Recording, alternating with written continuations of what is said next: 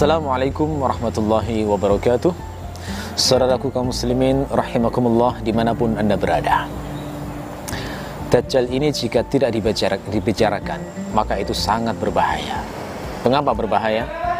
Karena Dajjal ini justru akan muncul ketika dia sudah mulai tidak dibahas dan tidak dibicarakan Saya akan menyampaikan salah satu hadis yang menunjukkan hal tersebut.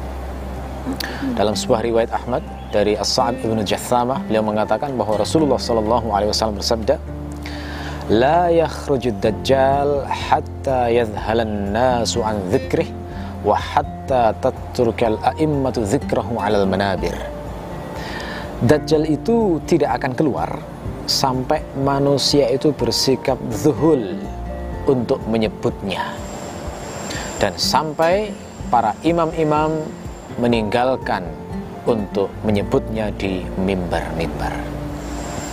Dalam hadis ini cukup lugas dikatakan bahwa Dajjal itu baru akan muncul jika sudah ada muncul, jika, sudah muncul sikap zuhul terhadap Dajjal di tengah-tengah umat Islam. Apa itu zuhul?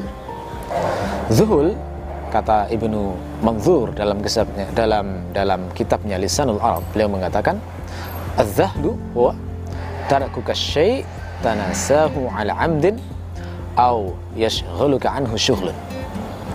Zuhul itu adalah engkau meninggalkan sesuatu karena pura-pura lupa secara sengaja atau karena engkau disibukkan oleh sesuatu. Jadi dinamakan zuhul itulah karena meninggalkan sesuatu karena sengaja, karena menganggapnya tidak penting atau karena tersibukkan dalam urusan yang lain.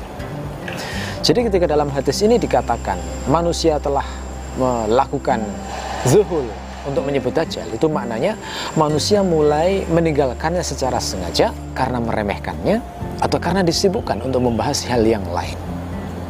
Ini berbahaya. Kita lihat saat ini sangat jarang orang membahas tentang dajjal. Kalaupun dibahas kadang-kadang dengan pembahasan yang dasar yang kurang kokoh berdasarkan Al-Quran dan As-Sunnah sehingga kurang bisa membentuk persepsi yang tepat terhadap Dajjal. Oleh karena itu harus dimulai pembahasan tentang Dajjal berdasarkan ayat-ayat Al-Quran, berdasarkan hadis-hadis yang sahih, minimal hasan, agar kaum muslimin bisa waspada terhadap fitnah dahsyat ini.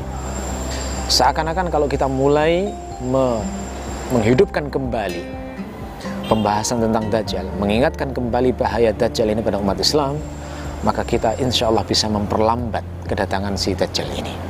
Jangan sampai yang diramalkan Nabi ini terjadi di masa kita.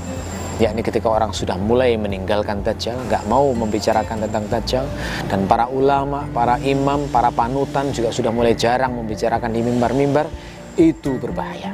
Pembahasan Dajjal harus diagendakan, harus diagendakan.